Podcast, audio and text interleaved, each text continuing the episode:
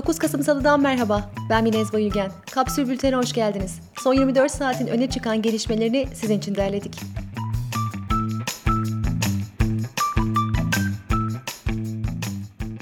İstanbul'da geçen hafta yaşanan sisin ardından bu kez smog da denilen duman kirliliği görülmeye başladı. Kalabalık şehirlerde havaya karışan gazların oluşturduğu hava kirliliğini tanımlamak için kullanılan smog, özellikle solunum ve kalp hastalıkları olanlarla birlikte yaşlı ve çocukları etkiliyor. Söz konusu hassas grupların yanı sıra sokağa çıkmak zorunda kalan herkesin solunum koruyucu maskeler kullanması öneriliyor. Temiz Hava Hakkı platformu da smogla ilgili şu uyarıda bulundu. Dikkat! Bunun adı smog, sis değil, hava kirliliği. Erken ölümlere yol açar. Covid-19'un vücuda girişini kolaylaştırır. Hassas gruplar sokağa çıkmamalı. Hava kirliliğinden koruyan maske kullanılmalı. Açık havada geçirilen süreler en aza indirilmeli.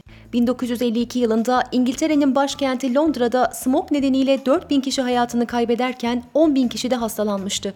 Bu olayın ardından İngiltere temiz hava aksiyon planlarını hayata geçirmişti.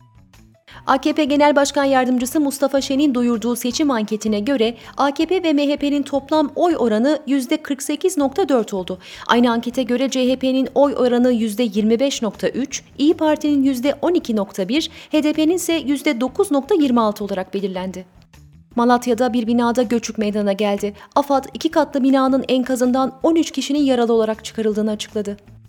Jeoloji Profesörü Fethullah Arık, dün Konya'da AFAD'a göre 5.1, Kandilli'ye göre 5 büyüklüğünde yaşanan depremin kentin tarihindeki en büyük deprem olduğunu söyledi. Deprem nedeniyle 66 yapıda hasar oluştu. İyi Parti lideri Akşener, Bingöl'de bir yurttaşa küfür eden partisinin vekili Lütfü Türkkan için hata yaptı. Sinirlerine hakim olması gerekirdi. Elbette bu hatayı mazur görecek değiliz dedi. Türkkan'ın o sırada yanında bulunan HTA adlı kişi asker yakınına küfrettiği gerekçesiyle İstanbul'da gözaltına alındı. TikTok'ta yabancı uyruklu kişilerin muz yeme videolarını haberleştirmesinin ardından gözaltına alınan Suriyeli gazeteci Macit Şam'a serbest bırakıldı.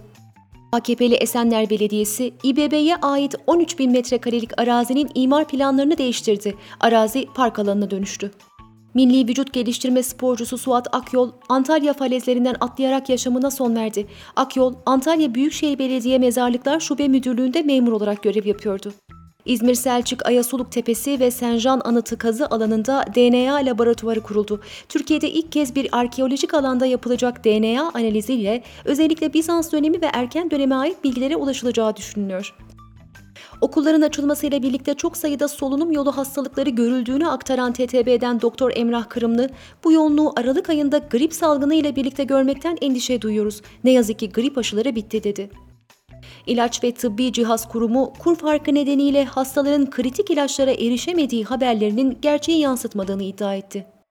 Rudav'ın kaynaklarına göre Türk Silahlı Kuvvetleri'nin konuşlandığı Musul'un kuzeyindeki Başika üssüne Kaytuşa füzeleri fırlatıldı. Saldırının Musul kaynaklı olduğu düşünülüyor. Üsse bu yılın Nisan ve Ağustos aylarında birer saldırı daha düzenlenmişti. Birleşmiş Milletler Güvenlik Konseyi'nin üyeleri Fransa, İrlanda, Estonya ve Norveç, İsrail'den Batı Şeria ve Doğu Kudüs'teki yerleşim faaliyetlerini durdurma talebinde bulundu. New York Times'ın yaptığı araştırma, ABD'de koronavirüs kaynaklı ölümlerin Cumhuriyetçi Parti'nin yüksek oy aldığı yerlerde daha fazla olduğunu ortaya koydu. Cumhuriyetçilerin %60 ve üzeri oy aldığı bölgelerde 100 binde 25 kişi, Demokratların %60 ve üzeri oy aldığı bölgelerde ise 100 binde 7,5 kişi COVID-19 nedeniyle hayatını kaybetti. Aşı karşıtlarının büyük bir kısmı Cumhuriyetçi Parti'ye oy veriyor. Birleşmiş Milletler Dünya Gıda Programı, dünya genelinde kıtlığın eşindeki insan sayısının 43 milyondan 45 milyona yükseldiğini açıkladı. Yılın başından bu yana yaşanan artışın büyük bölümünü Taliban'ın yönetimi ele geçirdiği Afganistan vatandaşları oluşturuyor. Apple'ın ürettiği ilk bilgisayar Apple 1 müzayedede açık arttırmaya çıkartılacak. Şirketin kurucularından Steve Jobs tarafından tasarlanan 45 yıllık Apple 1'in 600 bin dolara satılması bekleniyor. Söz konusu modelden sadece 200 adet üretilmişti. Konut kredilerinde faiz oranları düşmesine karşın İstanbul'da konut fiyatları bir hafta içinde %10 ila 20 arasında arttı. İstanbul Emlakçılar Odası Başkanı Nizamettin Aşa'da faiz indiriminin alıcı için bir anlamı kalmadığını söyledi. Aşa şöyle konuştu. Dövize bağlı inşaat maliyetleri devamlı yükseldiği için ev fiyatları önümüzdeki süreçte %30 ila 40 oranında artacak.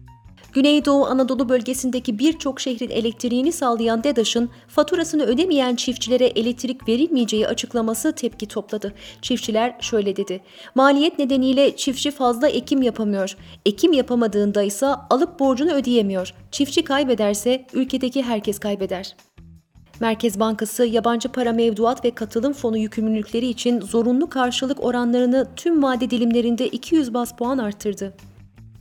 Benzinin litre fiyatına perşembe günün ilk dakikalarından itibaren 30 kuruş indirim yapılacak. Motorin ve LPG'nin fiyatında ise herhangi bir değişikliğe gidilmedi. Koç Holding Yapı Kredi Bankası sermayesinin %18'lik kısmını Unicredit'ten 3,5 milyar lira bedelle satın almaya hazırlanıyor. Satışın gelecek yılın ilk çeyreğinde gerçekleşmesi bekleniyor. Meclise yakın zamanda sunulması beklenen düzenleme ile sahte faturanın önüne geçilmesi planlanıyor. Buna göre 5 bin lira olan elektronik faturanın limiti 2 bin liraya düşürülecek. Ayrıca sahte fatura suçu da 5 ila 8 yıl arasında hapis cezasına çıkartılacak.